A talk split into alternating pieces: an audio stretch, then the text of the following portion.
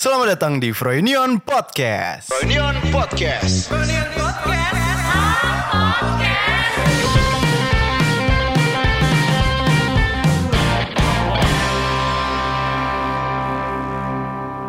It was two years ago where we held the concert. A walk the talk concert. Oh. and Kesha played carry on. Aduh. Anjing masih aja. Sampah bro. Udah lama bro itu bro. Siapa sih itu tadi? Bambang. Bambang. Bambang. Mas Bambang. Sama Ence Ence. Ence bagus. Ence good, Aduh, Ence good. Aduh, Ence good. Sebenarnya kita- Apa bro? Sebenarnya kita pun ngefans sama dia kan. Ngefans, gue ngefans. Cuman ada beberapa yang menurut kita, hmm, so-so. janganlah bro. Iya, kalau bisa. janganlah. Kita kan suka lagunya kan. Suka bro, gue paling suka waktu dia cetak skor waktu itu yang 4-0 sama. penalti ya waktu itu Penalti kan ya. keren banget, bro. itu, Parah, Itu parah, asisnya Boa Salosa.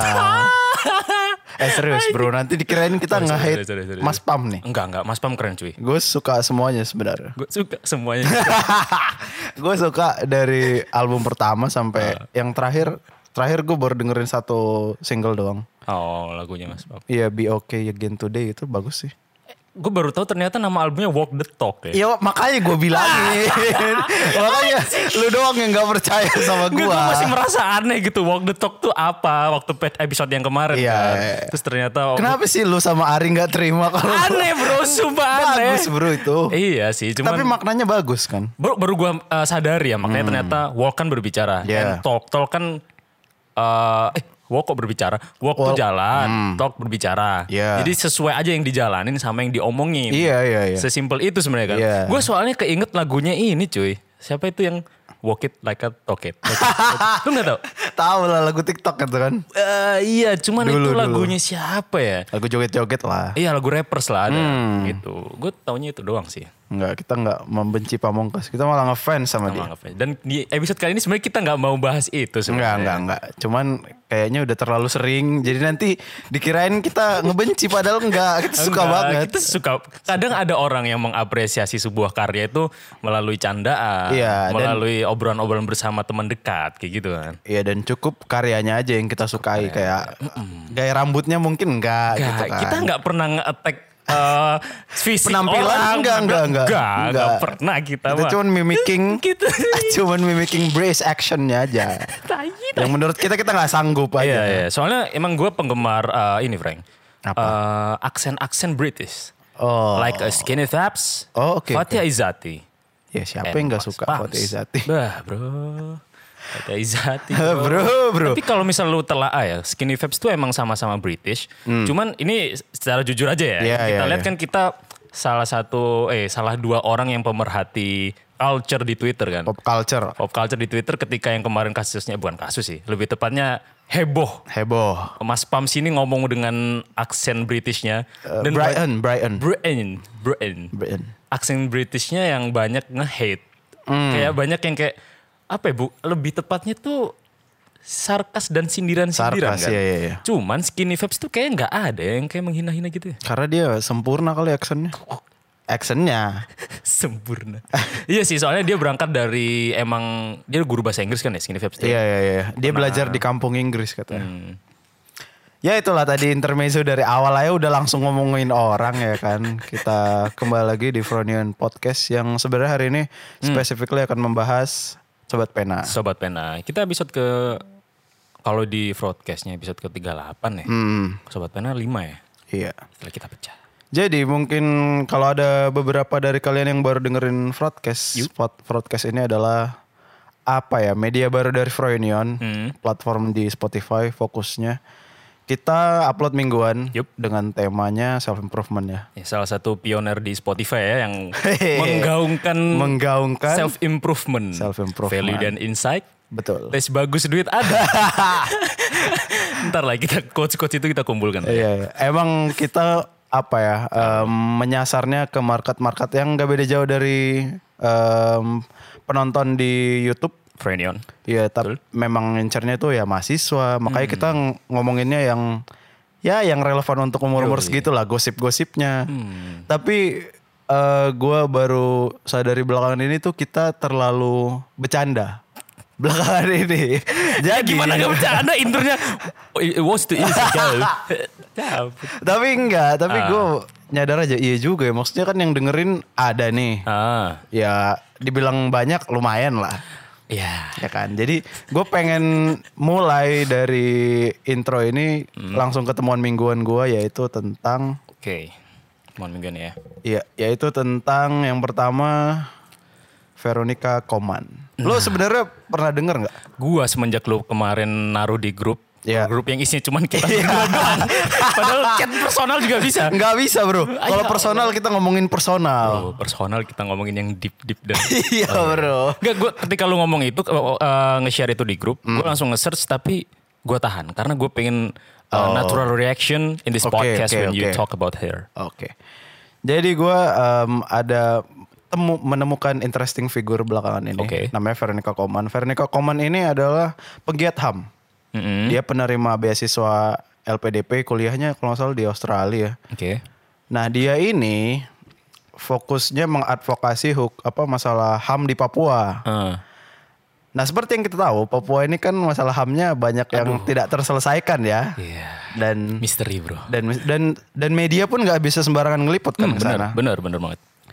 Nah mungkin uh, pemerintah ngelihat Veronica ini um, ini masih analisa gembel gue doang ya. Annabelle ya. Ya Anabel gue doang ya. Analisa gembel. Nge- ngelihat Veronica Koman ini komentarnya terlalu keras ke pemerintah, Hmm. kritiknya kan. Kan dia berdiri di atas perjuangan HAM kan. Hmm. Jadi si- apapun yang melanggar HAM baik itu maupun pemerintah Hmm. pasti dihajar sama dia kan. Eh sorry, dia eh, nggak ada backupan grup atau Dia- yayasan atau apa gitu? Dia dulu uh, sempat di LBH, L- oh, Lembaga Bantuan Hukum. Oke lanjut. sebelum S1, S2-nya dibiayain LPDP. Nah, karena komentarnya dia ini sepertinya pemerintah agak-agak sebel ya, jadi dia disuruh mengembalikan beasiswa LPDP-nya senilai 773 juta. What? Aneh kan? Ah, ya, itu- ya makanya mungkin mung- yang gue lihat ya mungkin s- yang pertama pemerintah kesel lah. Lu udah disekolahin, Iya. kenapa lu mengkritik pemerintah? Lo lo lo lo. Nah. Nggak gitu mainnya bos. Nah, tapi tapi tapi gue lihat juga si Veronica ini memang Iya. terlalu apa ya keras lah Vokal, vokal. mungkin ya terlalu vokal mungkin kayak Pak Ahok lah mungkin ya. Tuh, Bu Risma. Nah, nah di 2014 dia juga salah satu yang eh 2015 waktu itu kan pernah ada tes keperawanan bagi calon polisi wanita. Aduh. Dia salah satu yang menantang. Oke. Bagus kan. Terus di penghujung 2014 tuh ada masalah ini apa? Tragedi ber- berdarah gitu lah di Paniai. Jadi kayak waktu itu ada sekelompok anak-anak di sana lah yang merayakan Natal. Terus ada TNI.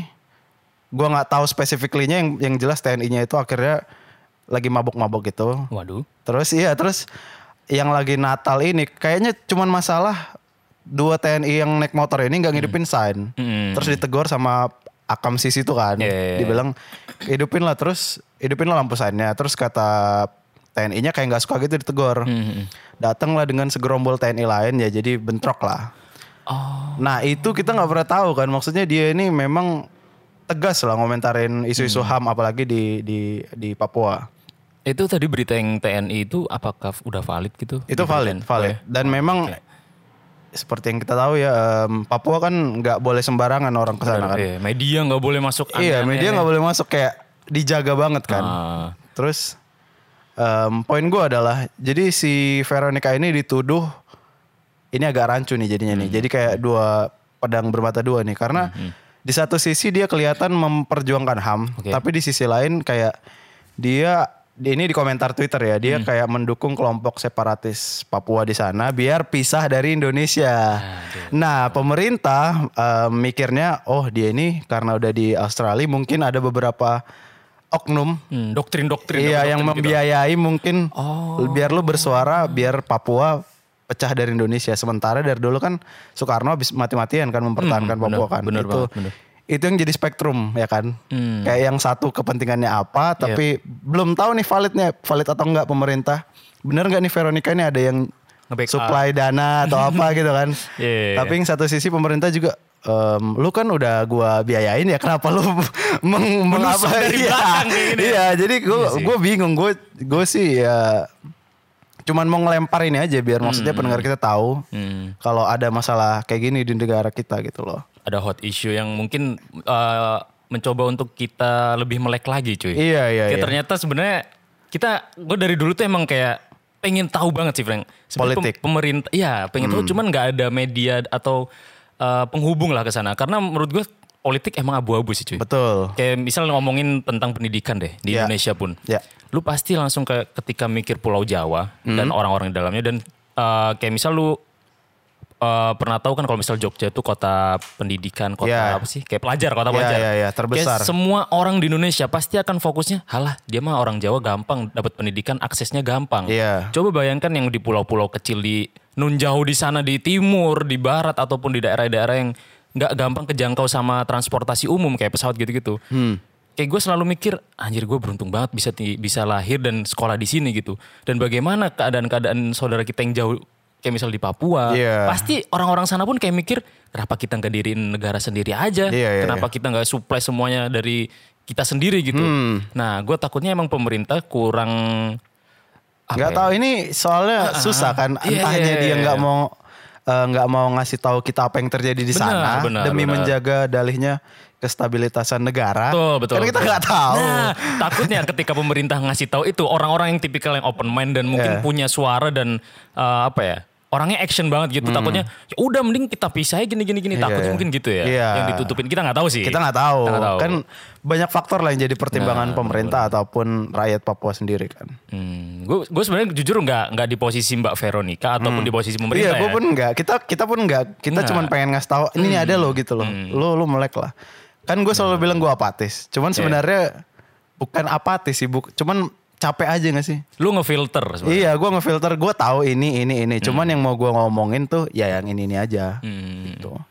Wah keren sih untuk Mbak Vero dan keren untuk pemerintah juga biar sih. Biar imbang aja, Bos. Biar imbang, biar balance nih ya. Iya iya iya. ya oke lah oke. Cukup Itu- untuk teman mingguan yang Hmm. Itu tim, menarik. temuan mingguan yang pertama. Yang Oke. kedua masalah biasa lah. Apa tuh? Beli JRX. Iya. ya seperti yang kita semua tahu beli Hot JRX. banget nih cuy. Ini hot banget. Parah gue kemarin juga baru ngikutin. Ngikutin ya? Lumayan lumayan. Bahkan sampai Miko aja tadi. Iya, Ngupload ke stories, share kan. Mendukung Jerings. Bebaskan. ya gimana Frank? gue ngeliat si tweetnya bentar gue buka dulu. Oke nggak apa. Setahu ini ini sepengetahuan gue yang masih dangkal ya. Eh Jerings tuh kemarin emang yang sempat gue ikutin dia kayak bener-bener menantang pemerintah lah. Ini Iya. maksudnya bener-bener vokal ya. Dan dia Di- menyuarakan konspirasi juga. Iya, dan di Kutarok City. Yoi. Dia selalu menggaung-gaungkan ke teman-teman apa supporternya dia di SID dan teman-teman- Hmm, Outsiders. Outsiders gua, Namanya. iya, maksudnya. outsiders kayak gitu-gitu. Iya. Ya udah, coba kalau misal corona corona emang beneran ada, langsung aja gua undang ke si apa Wisma Atlet ya. Hmm. Iya, iya, iya. Hmm. Gua masukin ke eh, masukin gua ke sana deh kayak gini-gini. Tapi pemerintah kan nggak mau nggak- dan menolak iya. itu. Dan Nggak begitu pun Ikatan Dokter Indonesia Idi. ID kan. Yoi. Ya makanya yang gue baca kemarin si penuntutnya adalah si ID dan si tersangkanya si Jering kan. Hmm. Iya, karena waktu itu Jerings pernah ngepost di Instagram ini ya waktu itu ya. Gara-gara ini ini isi postingannya. Gara-gara bangga jadi kacung WHO, ID dan RS seenaknya mewajibkan semua orang yang melahirkan untuk dites COVID-19. Oke. Jadi sebelum melahirkan orang swab test dulu nih Hmm. Iya. prosedurnya. Sudah banyak bukti jika ha- hasil tes sering ngawur, Hmm. kenapa dipaksakan? Kalau hasil tesnya bikin stres dan menyebabkan kematian pada bayi dan ibunya, siapa yang tanggung jawab? Oke. Iya. Pertimbangan dia itu masuk akal kan? Masuk akal, masuk akal. Maksudnya lu swab tes biaya nambah. Hmm, mahal cuy. Iya, belum tentu si ibunya jadi stres juga kan. Hmm, hmm. Tapi mungkin caranya salah. Cara dia menyuarakan ya. Caranya dia terlalu Hmm. vokal atau gimana. Nah, ini kan kenanya pasal UU ITE ya. Iya. Pasal yang, iya, yang katanya pasal- karet itu. Yang bro. sangat-sangat karet ini ya. Sebenarnya nih kalau misal kalau kita kemarin yang in- eh, berita apa yang dia bilang lah itu kan nggak sengaja tinggalnya ngomong itu typo pak Yang mana? Ada beberapa berita yang lalu kalau misal kena un- ke- uh, undang-undang ITE, Iya. tinggal aja ngomong nggak sengaja. Aduh, kasus yang apa ya gue lupa. Oh yang nyiram air keras gak sih?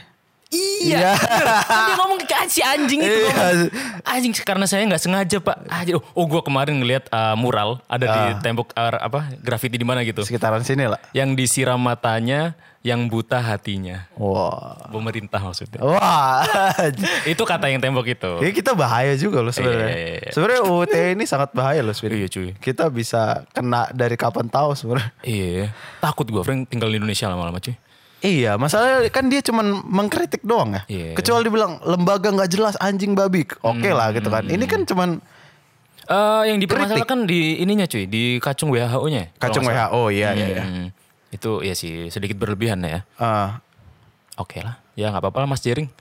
Semoga cepet selesai lah ya. masalahnya iya sih. Ini gue ngedap nge-screenshot tweet yang tadi gue temu di Twitter. Hmm.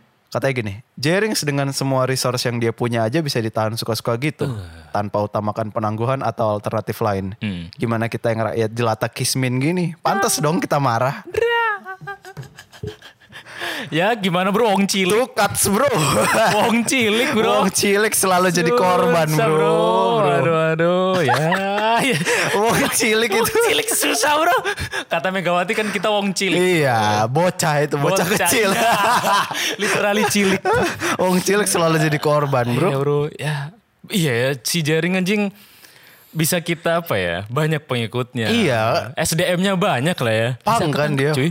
Iya, Bro. Anji aja kemarin si itu kan sempat Si kena. Prof itu. Kok Prof sih anjing? Prof itu panggilan sayang. Wah. Oh, Iya, nggak tahu. nggak tahu Si apa lagi. profesornya bilang jadi eh, kan katanya yang jadi profesor itu harus aktif mengajar di universitas atau ada gelar apa tertentu lah gitu Hmm. Iya, lah kan. iya, Gua iya. ngerti lah. Nah, kata dia, "Bukan, Prof itu panggilan sayang." katanya. Yang bilang si Anji. Enggak, profesor ya. Oh, alah. Profesornya bilang enggak, bukan bukan saya bukan profesor, cuman itu panggilan spesial atau sayang gitu lah. Anjir lah. Apa sih Aneh anjing? Emang Anji anjing ya. Emang anji. Enggak anjing itu NG-nya New Generation. Oh. Lu harus lihat yang YouTube. Tahu ini ya. lah, masa nggak tahu? ya itulah. Ya unik ya. Ada lagi nggak temuan minggu lalu? Enggak bro, itu udah. Gue cuman pengen ngasih tahu teman-teman kita yang lebih Hmm. muda aja nih. Kalau negara kita nih tidak sedang baik-baik saja. Wih deh, bro. Dan kemarin ini nyambung sama teman mu- mingguan gue nih. Apa tuh, Karena lu tadi bilang negara sedang tidak baik-baik saja. Oi.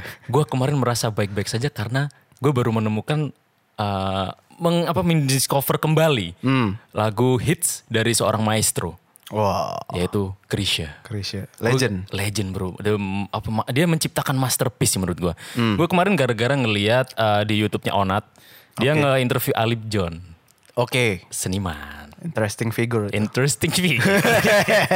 Jadi eh, yang gue kemarin coba-coba dengerin di la- albumnya yang Everlasting Hits, itu kayaknya kompilasi. deh sebenarnya. Kompilasi ya ya benar. Nah, jadi ada beberapa lagu yang waktu gue SMP, bokap nyokap gue tuh selalu mendengarkan gue di mobil lagu-lagu itu. Wah, Ah, Keren lo bro. Dan privilege eh, lo bro. eh, dia. Hehehe, gue nggak dengerin. Iya jadi waktu dulu tuh kan gue SMP di Solo ya.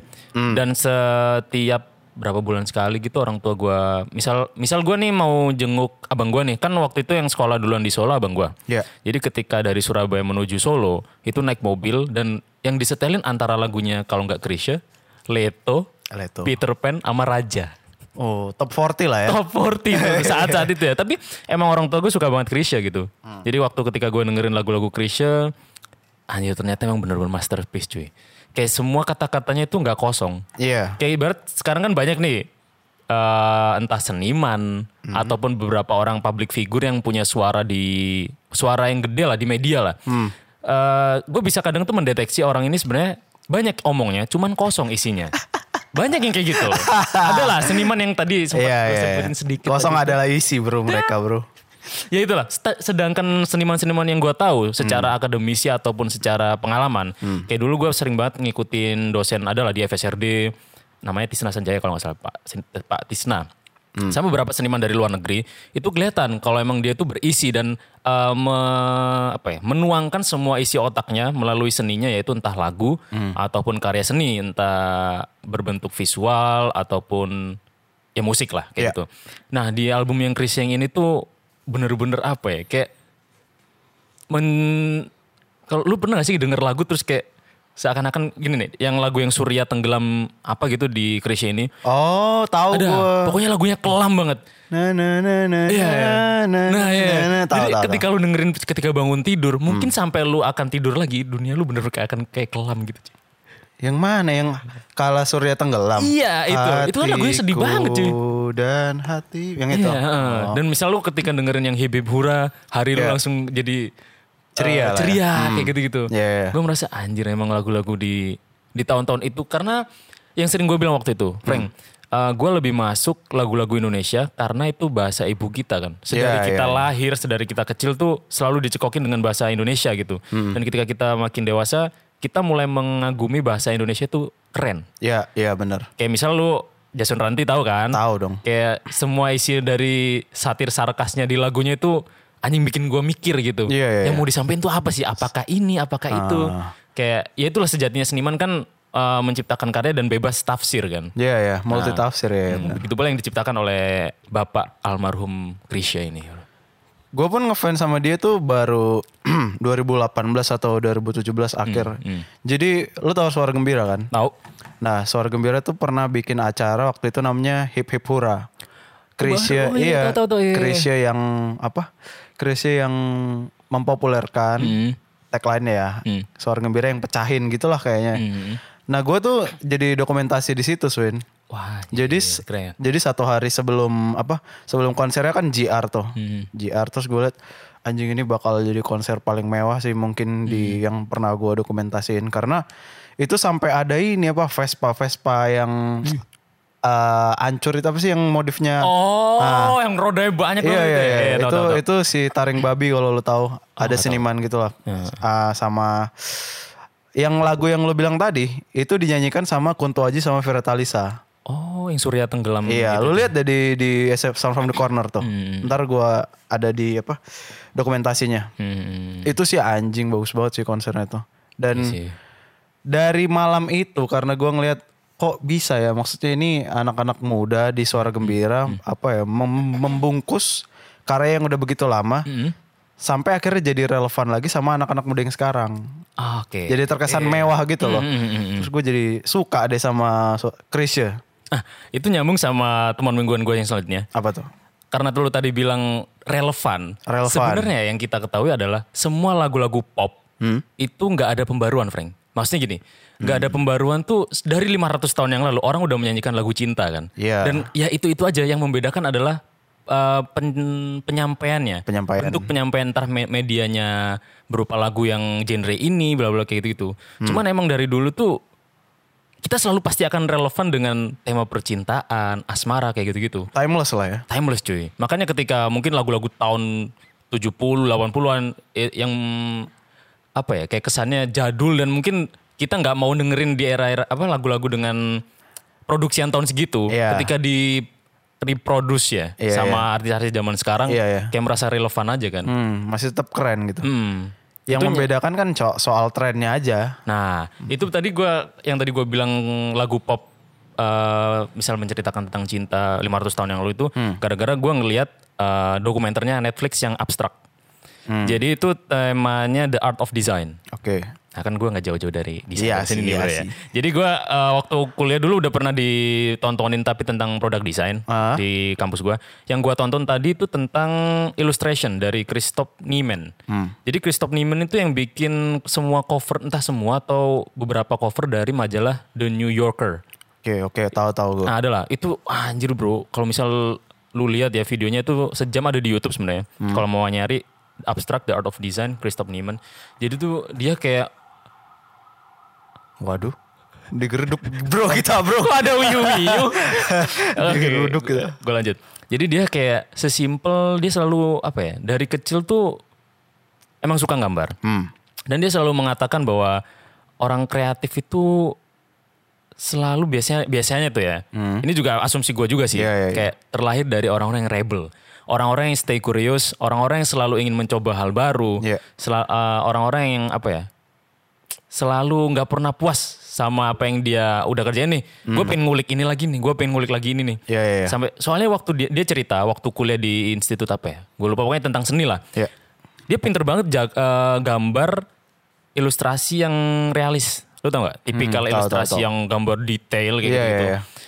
Eh, sama dosennya selalu kayak nope, nope, nggak kurang, kurang, kurang. Padahal udah bagus cuy Iya, iya. dosennya tuh kayak nggak pernah muji eh, tentang apa ya estetika yang dia buat dan ternyata dan gua sadari eh, di negara-negara maju estetika yang udah seperti kayak ilustrasi realis gitu-gitu itu udah ketinggalan zaman cuy Terus. kenapa ketinggalan zaman yang sekarang lagi hype di negara-negara maju adalah eh, seni yang hitungannya interaktif Jadi gini, augmented lah. Kayak Ya, lu tahu respons sih lah ya. Ah, ah, kayak gitu-gitu. Lu tahu semisal sesimpel yang pit- ah, pasti lu pernah tahu adalah Zeking. Ya.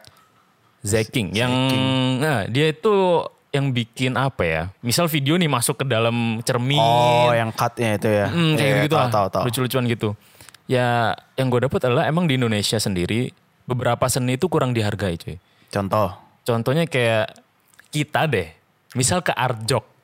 Oke. Ketika kita ngelihat sebuah karya yang cuman kayak kelihatan goresan kecil gitu aja. Pasti kita kayak ada rasa ini apa sih anjing? Iya, iya, iya. Ini iya. apa sih itu? Iya, iya, iya. Karena emang negara berkembang eh, agak kurang relate dengan ini ini asumsi gue pribadi. Iya, iya, iya. Seni itu eh, emang the highest dari segitiga yang segitiga Maslow. Iya, iya, iya. Seni itu udah kayak levelnya Paling atas. Oh. paling ya. atas. Iya, iya. Ada orang yang rela ngeluarin duit ratusan juta untuk sebuah karya seni Mona Hmm. Lisa, Iya. karya seni Van Gogh kayak gitu-gitu. Kayak emang untuk negara-negara yang belum ber- belum maju Iya. yang khususnya Indonesia ya eh, masih berkembang Berflower. berflower. itu karya-karya seni masih masih dianggap kayak sebuah Nomor sekian, privilege lah itu. iya kayak masih dianggap ini bro kayak jokes aja gitu kayak lelucon aja gitu. Hmm. Dan emang dan ada beberapa juga seniman di Indonesia yang jatuhnya kayak snob. Iya, iya. itu iya. yang ngebikin kita kadang mikir, alah ya udah seniman gitu-gitu aja gitu-gitu. Padahal di luar negeri Oh, karena ikonnya. Iya, karena ada beberapa icon yang merepresentasikan bahwa seni itu ya kayak kesannya kayak orang gila ya, misal Masal performance ya. art kayak gitu-gitu. Iya, iya. Padahal di luar negeri sendiri, misal di London, terus kayak yang tadi itu di Berlin, Hmm. ada yang di New York kayak gitu-gitu. Seniman tuh emang bener-bener intelek cuy. Hmm. Kayak ada beberapa pesan yang dia sampein dan itu ngerubah Banksy deh kalau lu tahu. Banksy tahu. Dia dengan seninya dia di jalanan itu Hmm. bisa ngerubah uh, pola pikir orang bahwa oh ternyata negara ini lagi nggak baik nih. Iya, iya. Oh ternyata ada misal yang anak kecil megang balon. Hmm, tahu tahu tahu. Kayak gitu. Ikonik ya itu. Ikonik kan. Jadi kayak ya orang-orang itu nggak cuma ngasal coret-coret, itu Iya, ada sesuatu yang ngebelakangin eh, mem- apa ya latar, Latar belakang belakangi, dia iya. untuk membuat hal itu gitu. Betul. Itu yang gue temuin dari teman gue dua dari Christoph Niemann ini bro. Hmm. Terus gue kemarin sebenarnya ada sih satu lagi Apa tuh? ngelihat anim. Ada ada. ada suka anjing. kan ada gara-gara orang aja gue pengen lihat ini anim. Ada Oh. judulnya Whisper of Your Heart itu dari Ghibli ya. Itu bagus cuy. Gua Udah gitu dong sebenarnya. Oke, nanti gue tertarik gak nonton. sih, Em, beberapa ya. Hmm, Gue cuman pernah nonton waktu masih kuliah tuh yang absurd gitu loh. apa? Yang tolol-tolol banget apa ya di Daily Life of High School apa lah gitu lah gitu-gitu lah. Tolol banget lah pokoknya. Coba deh lihat anim-anim bro. Gue anime nonton sih, cuman Hmm. ya yang harus banget kayak Kimi no Nawa, Ah. Ghibli ya itu harus kan. Iya, itu udah kayak pop culture. Harus aja, sebenarnya. iya. Jatuhnya kalau misal kita di tongkrongan terus ngobrolin itu kita nggak tahu tuh kayak kurang lu. Lu bro. ngapain sih bro? Ya, Di spare time lu ngapain Iya, sih? Kesibukan Bah- lu? Bahkan Kinur aja sampai masang tato Whole Moving Castle. Bro. Home Moving Castle. Itu salah satu ini anime eh apa ya? Kalau misal gue nyebut anime kata temen gue ini Enggak. "I- Itu kayak bukan anime itu Ghibli oh ya udah. Ghibli mah, ya tapi kan gambar. Eh, iya sih, Dan cuman- Jepang gitu. Iya, cuman kata dia anime tuh konteksnya kayaknya yang ini kayak Buat yang anak kecil seri-seri, gitu. terus buat anak Oh. kecil gitu-gitu. Enggak lah, gue gak pernah bilang anime tuh buat anak kecil. Orang susah. Susah bro. Mikir bro. Ah bro, kalau lu ngerasain bikin animasi per frame ya. Ya aduh, Wah anjir. matilah iya. saya. Ya itulah bro. Tadi gue tertarik sama poin lo yang bilang em, seniman itu harus bisa ngo- pinter ngomong lah ya berarti ya. Eh, harus lebih tepatnya- Hmm, layak present lah gitu, layak tampil lah gitu kan. Mm, mm, mm. Em, emang yang lu tonton siapa yang nggak layak tampil tuh siapa? Ada Frank ini. Ada. Ini ini yang yang menurut gua membuat ya. lu ya yang menu- yang membuat lu figur ini nggak layak tampil apa? Bukan gak layak tampil, lebih tepatnya eh, jadinya menjatuhkan citra Seniman. seorang ah, apa ya predikat seniman di mata umum. Ah, Kayak orang nih, gue tahu nih di balik eh, beberapa orang di Indonesia yang memang predikatnya dia seorang seniman, Iya. pasti ingin "Ih, jangan jangan seniman deh. Misal contohnya grafik desain Oke. atau ilustrator yang mungkin dulu orang-orang anggapnya halah cuman gambar doang. Hmm. Pasti kepengen ngangkat, ayolah kita bareng-bareng komunitas entah bahkan ada kayak grafik desain Indonesia itu ada kayak apa ya perkumpulannya lah. Iya, iya, iya. Jadi saya ingin sama-sama membesarkan bahwa eh, profesi ini tuh layak untuk dijunjung gitu. Oke. Nah, sedangkan di seniman sendiri itu ya emang beberapa seni kan dipecah Hmm. ya. Kayak ada yang ekspres ekspresionisme, ada yang apa ya? Banyak lah itu pemecahnya Iya, banyak. iya, iya. Hmm. Nah cuman ada salah satu seniman yang gua agak kurang sebenarnya. Eh, eh, gimana ya mau ngomongnya itu karena emang gue mikir ini gue sebagai seorang seniman juga ya gue Iya, posisikan iya. gue bebas Oke, untuk oke, oke. bebas untuk menginterpretasikan apa yang dia tampilkan ya. Iya. Kayak yang tadi gue ngomong Alip John Iya. itu menurut gue kayak dia oke lah seorang seniman. Oke, Basquiat lah. Basquiat. Banyak orang yang ngomong karya-karyanya dia itu udah kayak eh, Michel John Basquiat. Basquiat. Yang dia waktu itu gambarnya emang bener-bener apa ya, abstrak lah. Abstrak ya. Dan gue tahu ternyata background dari Basquiat sendiri itu waktu kecil, dia itu pernah sakit. Eh, kalau lu tahu sebenarnya gambarnya Basquiat itu lebih banyak ke organ-organ tubuh dalam. Oh iya. Yep. Jadi dia waktu kecil tuh pernah dibeliin sama orang tuanya waktu di rumah sakit. Ya. Dia dibeliin buku eh, buku biologi. Itu isinya gambar-gambar organ tubuh manusia. Oh. Itu itu kayak yang melatar belakangi dia menjadi seorang seniman terus gambarnya kayak seakan-akan gambar anak kecil kan. Ah, iya. Terus kayak gambarnya abstrak banget gitu. Ya. Terus eh, dia ketemu sama Andy Warhol, Iya, iya. kayak gitu-gitu. Cuman apalagi waktu dia eh, nulis ini, dia tuh waktu itu tuh sempat vandal. Ya. Dia nulis tuh Semo. Semo. Semo itu kayak dia apa ya mengkritik gue lupa intinya dia s- hampir semua sudut di kota aduh gue lupa ya New York apa ya Brooklyn apa? lupa gue intinya dia mesti nulis Semo Semo Semo nah ternyata emang waktu itu dia belum terkenal ternyata yang nulis tuh dia si Basquiat ini ada ada apa yang disampaikan gue lupa ntar lu search aja deh Iya. iya. cuman intinya adalah dari seniman-seniman yang gue ketahui kayak misal itu yang luar ya Iya. kalau di Indo yang gue kagumin tuh Farid Steffi Iya. Terus ada lagi tuh ya Tisna Sanjaya tadi itu yang Hmm. dosen WSRD. Terus ada lagi Eko Nugroho, beberapa orang yang yang kemarin di Bali, yang waktu kita sondre, Iya. yang lu lihat beberapa instalasi kayak Iya, Muklai, iya, kayak gitu-gitu. Muklai, ya. Terus ya kalau misal seniman di jalanan ada Darbots kayak gitu-gitu. Darbut sih. ya. Itu gua mikir ini bukan cuman estetika, Bro. Tapi lebih dari itu. Jadi ada sesuatu yang dituangkan, ada sesuatu yang membuat kita berpikir, oh ternyata seperti ini nih. Oh ternyata yang dis- ingin disampaikan seniman kayaknya yang seperti ini nih. Dan itu relate sama kehidupan gua, personal gua. Sedangkan yang tadi gua bilang si Mas Alip John ini, Iya. eh kelihatan kosong aja, Bro. Dari mananya? Dari segi apanya? Dari segi yang Karyanya diomongkan, kah? kalau karyanya sih ya oke lah, bebas tiap orang Emang untuk iya, ya. menilai lah ya. Iya. Cuman yang dari dia omongin tuh terkesan angkuh dan Hmm. terkesan bahwa kayaknya seniman tuh kok kayak orang gila ya, Oh. kayak ngomong seenaknya gini-gini. Padahal seniman tuh ya ya bebas. Cuman yang sepengetahuan gua seniman-seniman yang mungkin berlatar belakang dari akademisi Hmm. ataupun yang backgroundnya intelek Iya. itu nggak sembarangan ngomong kayak gitu gitu. Dia umur berapa? Gue ngerti. Alif John tuh umur Ah. berapa nggak tahu. Karena misalnya gini deh, misal lu yang lihat wa- wa- si Mas Farid Steffi, Hmm. Iya, iya. kelihatan banget kan dia banyak isinya kan. Karena udah usianya mungkin. Iya sih. Anak udah mana sih yang nggak sotoy kalau dia udah kena Mm, fame di usia muda gitu. Iya sih. Lu kalau dikasih level fame se Aukarin, Swin, pasti gue yakin lu blunder juga. Jadi pengen snob gitu ya, iya, pengen, iya, pengen iya, nunjukin. Ah, iya, iya. Ada sesuatu yang pengen lu kasih tahu, yang lu pamerkan. Hmm.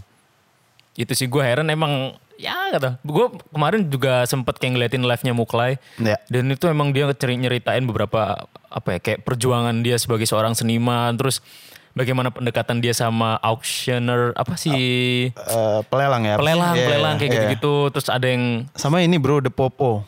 the popo Iconic, anjir. bro, di mana-mana. Iya, iya, iconic tuh Itu sarkas banget ya. dan gue mesti telaah kan Iya, kenapa iya. yang membelakangi gitu Iya, ternyata iya, the popo kenapa gambar alpukat Ah. karena waktu kecil sampai gede itu orang tuanya selalu ngasih alpukat dan emang alpukat tuh bisa menyembuhkan semua penyakit katanya gitu Iya, iya, iya. kecuali kematian Oh. kematian habatus sauda bro Apa tuh bro? aduh Nggak tahu lah, beda lah bro. Beda itu server lah. Oh. Sobat Islami. Itulah. Kalau seniman-seniman yang berisi tuh gue kelihatan gitu. Hmm. Kayak ya Dendi Darman tuh termasuk menurut gue seniman Iyalah, cuy. jelas lah. Dia selalu gini deh, yang bedain antara desain dan seni itu kan terletak biasanya pada aspek fungsional. Oke. Kayak di seni itu emang bener-bener estetika dan bener-bener feel emotion eh, make- to make you feel something Ya, ya, dari betul. seni. Ketika desain itu eh, bener-bener yang aspek ditambahkan fungsi. Jadi kalau misal gua ngelihat seniman yang memang oke lah estetikanya menurut umum bagus gitu. Ya. Cuman ketika apa yang diomongin, misal dia mencoba untuk menceritakan ini ini dan kelihatan kosong, gua kayak oh mungkin bukan seniman yang gua kagumin nih. Oh. Mungkin menurut gue ini kurang like untuk gua konsumsi entah Nggak cocok personalitinya. aja buat lo ya. Iya nggak cocok buat gue entah personalitinya atau karyanya. kayak gitu. Mungkin yang catchy, mungkin Mas Alip John ini berusaha em, menampilkan apa ya? Dia berusaha menjelaskan karyanya Hmm. dari karakternya juga.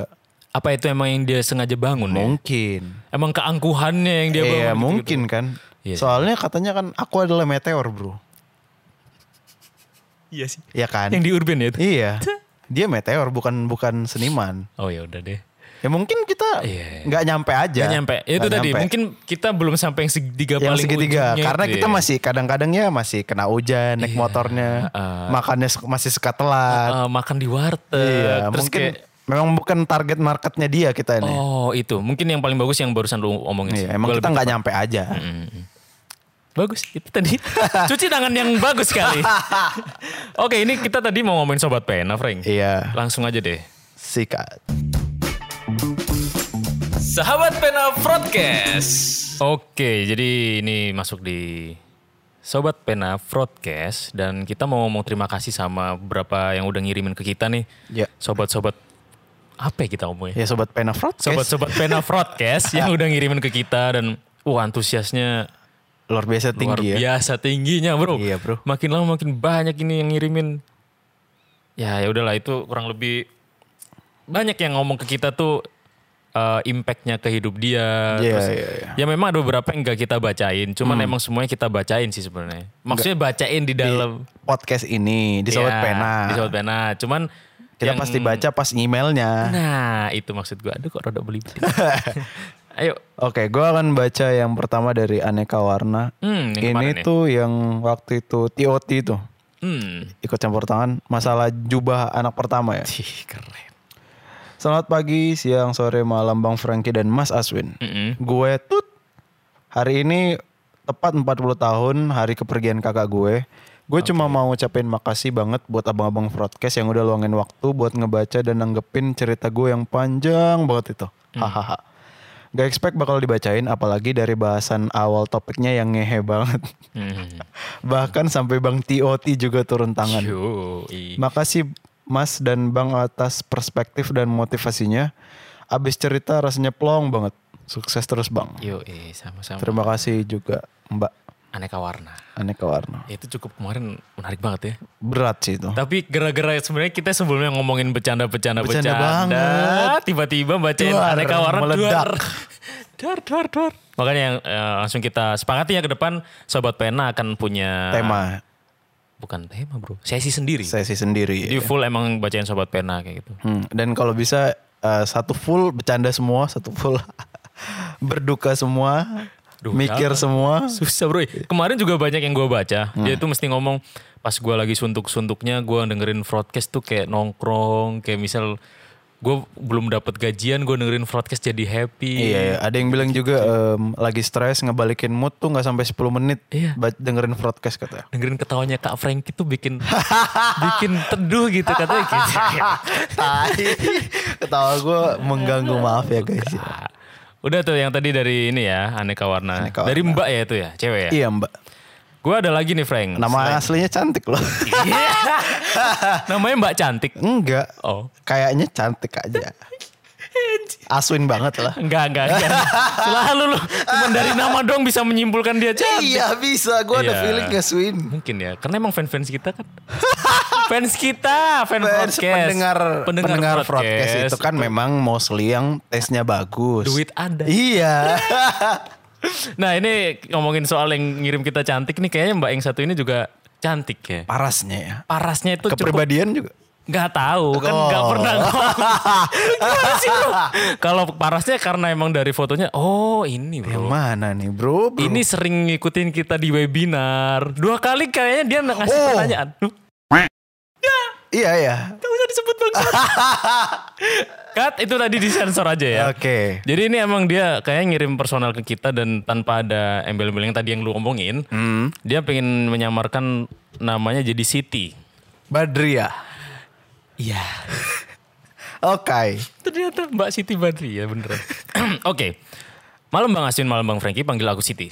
Untuk gambaran aku cewek berusia 20 tahun, langsung ke ceritanya aja. Ayah aku seorang pensiunan BUMN dan ibu cuma ibu rumah tangga. Sekarang aku merasa pengeluaran keluarga berat di aku. Aku harus perawatan gigi, kulit dan lain-lain yang menghabiskan uang hampir puluhan juta. Wow.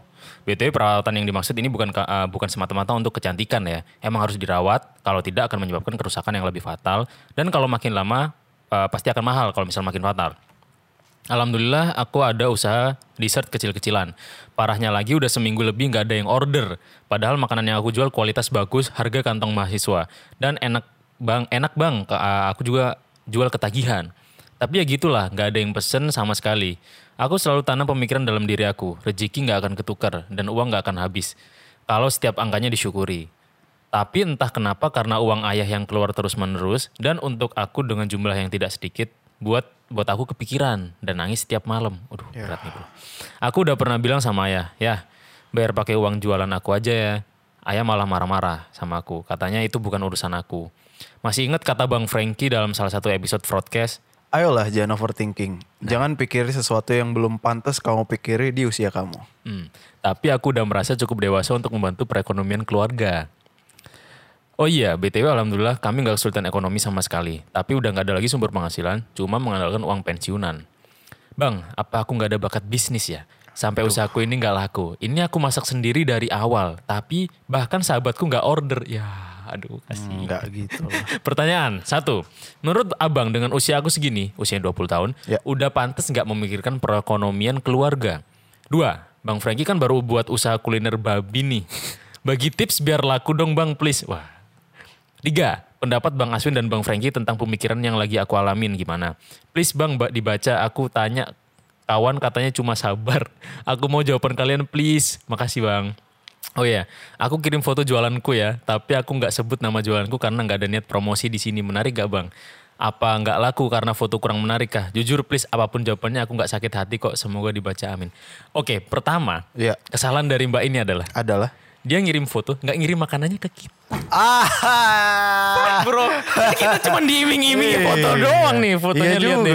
Memang bagus sih fotonya. Bagus fotonya, bikin ngiler kok ini. Iya. Nih yang Oreo enak bro. Gue suka yang ini Swin yang dessert. Emang kayaknya enak semua buat Ada- Oh, dessert semua Ada emang ini. krim-krimnya gitu. Iya. Nih coba nih Frank, Bang Frankie coba dijawab. Yang Yang mana? Satu, satu apa Oh tadi? satu dulu ya, menurut Iya. abang dengan usia aku yang sini, usia 20 tahun, udah pantas nggak memikirin perekonomian keluarga. Sudah sebenarnya. Tapi jatuhnya kayak overthinking. Kenapa overthinking? Dia sampai nangis, sampai ngomong kayaknya kayak gitu. Oh. Gimana tuh? At, mm, Ya kan yang waktu lu bilang kan eh, jangan overthinking, jangan Iya. sesuatu yang belum pantas kamu dipikirin, kamu pikirin di usia kamu. gue sih ngelihat dia dia udah udah apa ya udah melakukan yang bisa dia lakukan semaksimal mungkin Benar, benar. Iya, ya kan yang yang mungkin alasannya kenapa dia nangis dan apa, apa tadi overthinking tengah malam itu cuman gara-gara hasilnya nggak sesuai ekspektasinya dia aja Hmm, benar, benar. padahal itu gue masalah bisnis pun gue belum tahu Swin soalnya gue pun masih baru nyoba dan Mm. Iya, iya. dan memang ternyata susah banget loh Hmm, banget, Bro. Lu tau gak sih sebenarnya ini belum gua- belum pernah gue ceritain ya? apa Gue sebelum berangkat ke sini pernah bisnis pentol. Pentol tuh bakso yang gini. tahu Gak laku. uh anjing bahaya Gue bertiga ya. Iya, Bahkan iya. gue sebagai desainernya, dua ini ba- anak ekonomi, Iya. anak ekonomi Islam lah ada di Surabaya. ya Fail bro. emang susah Gue cuman keuntungan paling akhirnya endingnya tuh gue cuman dapet 200 ribu. Anjing. Dari itu jalan keuntungan. berapa lama? Jalannya karena kontraknya waktu itu nyewa kayak ini ya, Pujasera terus satu stand gitu disewa. Jasarannya apa nih? Pujasera tuh tempat makan yang ini, kumpulan-kumpulan tempat court gitu. court kayak gitu. Cuman ini di daerah kampus, Iya, di iya, kampus di Surabaya. Gue nyewa satu stand kontrak tuh berapa bulan gue lupa ya, apa tiga bulan gitu. Udah pakai satu pegawai tuh. Ya. Itu pun udah gua desainnya udah gua bikin secara yang gue pelajarin lah selama gue mendesain Kepake lah ya. Kepake di situ Ilmu kayak desain lo ya. warnanya, bikin orang lapar, gini-gininya. Marketingnya bahkan teman gue yang dari kuliah di ekonomi udah tahu tuh cara marketingnya gimana. Ah. Kayak misal tiap Jumat tuh karena di situ eh, karena teman gue ini islami banget ya. Iya. Jadi tiap Jumat kalau misal lu hafal surat Al-Kahfi, lu dapat 10 pentol. bro. Cing, Eh, nice. Kayak gitu, pokoknya marketingnya udah bagus. Ah. Eh ternyata masih aja fail bro, gagal bro. Oke, mungkin eh gua nggak tahu lah ma- Hmm. ini lo apa. Ya. Itu jalan berapa lama? Tiga bulan apa? Tapi kita udah tahu kegagalan di mana. Apa? Kegagalannya ternyata setelah kita- Ah, Produknya siap nggak menurut lo? Nah ternyata eh, kita waktu itu mikir kan, ini kalau misal pakai nasi kayaknya bisa bikin kenang, kenyang gitu. Oke, oke. Nah ternyata jualan gua tuh sama teman-teman itu nanggung, pentol doang sama pentol bakar kayak gitu-gitu. Jualnya harga berapa? Harganya sepuluh ribu. Oh. Dan itu di mahasiswa sebenarnya masuk sama Masuk, kantung mahasiswa. masuk, sama kayak iya. ceritanya ini ya, Iya, Hmm. masuk di harga kantung mahasiswa terus kayak gitu-gitu. Ternyata memang ketika kan gue jualannya itu dari jam 10 pagi sampai jam 7 malam. Iya. Ternyata di jam-jam segitu rata-rata mahasiswa dan mahasiswa itu pengennya yang bikin langsung kenyang. Kayak yang dengan harga 10.000 mending dia ke warteg. Oh. Iya iya benar. Kalau benar. jajan-jajan mending dia ke mall. Iya, benar. terus kayak ya udah kalau ke mall ngabisin 20.000 ribu itu hal yang wajar untuk dessert, untuk makanan-makanan ringan kayak Ta- gitu-gitu. Tapi lokasinya itu emang rame. Lokasinya rame, cuman yang laku di situ adalah nasi geprek, ayam geprek. Oh. Iyalah, kayak sekalian buat makan aja Sekalian itu buat mah, makan. iya. Nah, itu ternyata oh salahnya di situ. Gitu sih. On apa tadi dia nanyanya? Itu Eh, malah yang kita jawab barusan yang pertanyaan kedua kayaknya. iya. tips oh tips ding. Pantes tadi ya pantes ya kan. Hmm, Kedua tips hmm, nggak ada sih tips. Gue juga belum tahu soalnya gue Iya, cuy. sampai ngejalaninnya aja ya kayak banyak banget hal yang se- yang miss gitu loh. Yang harusnya misalnya kalau ada apa ya yang yang ngasih saran gitu bisa lebih terstruktur nih gue plannya. Cuman ternyata pas gue udah mau mulai PO gue baru apa nentuin porsi, Hmm. nentuin range harga. Range harga kan berarti lo harus eh, nyari supplier, nge- ngeli- ngelihat kompetitor juga. Eh, d- terus dalam radius lokasi lu ngontrak itu ada beberapa lagi yang jualan daging yang serupa kayak gitu-gitu lah. Hmm. Susah kalau bisnis itu su- susah apalagi sambil kuliah. Oh iya cuy. Gue mikirnya adalah paling yang beli siapa sih kalau bukan teman-temannya. Hmm, hmm, hmm, hmm. Kalau gue kan ngincarnya PO dan Gojek. Gojek itu emang gue lihat di daerah situ daya belinya tinggi. Itu tuh lumayan pusat kota deket BSD gitu lah pusat kotanya. Pusat in- industri. Nah kalau dia misalnya gue kuliah paling yang beli ya teman-teman kita juga. Dan nggak tahu nih dari fotonya sih kayaknya lumayan mahal nih ya. Wah, iya sih. Iya kan? Terlihat makanan mahal gak tahu tapi dia ngomongnya harga mahasiswa cuy. Iya let's say berapa? 20 ribu lah. Mungkin. Kalau lu 20 ribu lu mahasiswa dan nggak tahu nih dia hidup di daerah mana. Sumatera lah katakan ya. Hmm, hmm, hmm. Ya lumayan mahal mendingan gue beli ini beli lauk Buat nasi makan. padang iya. Iya. Lu mengincarnya marketnya tepat atau enggak? Hmm, hmm. Lu ngincar golongan mana nih ABC-nya gitu loh. Itu tuh harus dipikirin juga, Mbak. Oh gini, mungkin kalau menurut gue ini yang gue pelajarin karena gue ngefollowin Instagramnya entrepreneur kayak gitu-gitu. ya. Hey. Tapi itu sema- s- Eh, di, sangat-sangat Kan bermanfaat di loh. Twitter BTW ada loh yang bagus. Apa tuh? Bisnis plus apa? Hack bisnis hack bisnisnya juga gue follow tuh yang Iya, di iya, ada Instagram di tapi- Twitter bagus-bagus tuh. Nah ada salah satu yang kayak semisal lu jangan terpaku sama teman-teman lu doang. Jadi semisal nih emang lu pengen nyiptain barang yang niche, Ah. terus Iya. lu kayak misal incer inceran lu adalah koko-koko dan cici-cici yang kaya Iya, nih. iya, iya, iya. Ya udah lu uh, bikin akun buat jualan ini, tapi yang lu follow tuh entah influencer yang kayak kalau di Surabaya itu ada namanya apa ya? Koko-koko buncit. Itu dia influencer makanan cuy, serius. Oh. Jadi dia emang datengin makanan gitu-gitu. Nah, itu sebenarnya nyambung sama kayak digital marketing, nyambung sama bagaimana lu memasarkan produk lu dengan cara- Panjang lah itu. Panjang sebenarnya panjang. Cuman yang kalau misal uh, dari sesimpel Mbak ini yang jualan kayak gini, Iya. ya nggak apa-apa lah. Uh, yang penting Mbaknya udah yang udah nyoba, Udah usaha. udah usaha itu yang Dan paling dia penting. berani banget loh di umur segitu. Nah, keren, keren, Keren. keren. Itu sih yang paling utama. Soalnya banyak orang yang cuma ngeplan doang, Frank. Iya. Kayak ah gue pengen bisnis ini tapi nggak dilakuin Nggak jalan. setidaknya nih dari mbak ini kita nggak tahu ya selubungnya gimana cuman gue yakin eh, si mbaknya ini pasti akan nemuin oh kesalahannya ternyata di sini Pasti, oh, pasti. ternyata makanan gue ini lebih layak eh, di- dikonsumsi sama orang-orang yang level ekonominya di Ah atas bener, sama orang-orang yang merasa beli cat time tuh nggak masalah. Nah. kalau kita kan beli cat time masih diporsir bro. Ih, ih, mikir Seminggu, ya. gua, bro. Gua mikir seminggu sebenarnya. paling ya. Kalau nggak gara-gara cewek gue, gue nggak beli tuh kayaknya. gue paling sebulan aduh ya kalau misal jajan tuh ya Lagi jalan lah paling. kan? nah kalau misal di kosan Nah. lapar ya makan Iya. warteg Iyalah. Ya gue aja, gue nih bisa makan cuman tiga puluh ribu. dalam sehari Iya dua kali makan. oh ya sama Masih 15.000, masak, bukan? iya. iya betul betul ya maksudnya kalau lu teman-teman lu orang-orang kayak kita Hmm. nih jajannya misalnya lima puluh ribu satu hari harga makanannya tuh misalnya tiga puluh ribu iya mikir mikir Hmm. bro beli kuota beli bensin Terus misal nih, misal lu jualan ya, Ah. gue pasti mikir, aduh, iya sih lu temen gue, tapi kan gue juga miskin. Iya. Ya, ya gak gue beli, pasti gue pasti beli warteg kayak gitu. Hmm. Iya misa- misalnya gue mau jual babi nih Aswin kan gak makan Nggak makan. Ya masa gue jual ke dia Gak Nggak bisa. mungkin Ke- dong Kecuali gue TBD makan babi pertama kali. Iya Marketnya Beda harus lagi. disesuaikan Nah. Target market tuh harus ada Biar kita punya apa ya Punya strategi yang tepat Betul, Menyasar mungkin. market seperti Nah, apa betul. Mungkin mungkin ke depan nih mbak-mbaknya eh, sedikit untuk bergaul ke daerah-daerah yang fancy. Iya bro. Misal sok-sok asik aja, weh cuy, gue anak kesini nih. Iya. Nggak tahu lah pendekatannya Eh, gimana ya. Bebas, bebas. Iya. Hmm. Terus tiba-tiba ada mbak-mbak yang mungkin fancy nih. Wah ini instagramable banget mbak. Iya, mbak. Ini aku beli, ini aku beli 50 ribu gak apa deh. Uh, Iya. bisa, ini langsung dapat ke ketaker nih Iya akhirnya. ketaker yang pembelinya tuh yang punya daya beli 50 ribu tuh Nah. orang-orang kayak gimana. Mungkin kayak gitu. Ini cocoknya makanan di mall nih. Nggak cocok yang lu bilang puja sera tadi nggak nggak bisa Jatuhnya nih bro. bangkrut Nggak jatuhnya. bisa. Ya, itu jujur dari kita ya. Dia kan Jujur, tadi jujur. Hmm. minta ini pendapat Bang Aswin dan Bang Frankie ya. Yang ketiga bro. Yang ketiga, ya udah eh, Oh, itu pendapat. Itu, tadi jawab yang ketiga cuy. Iya.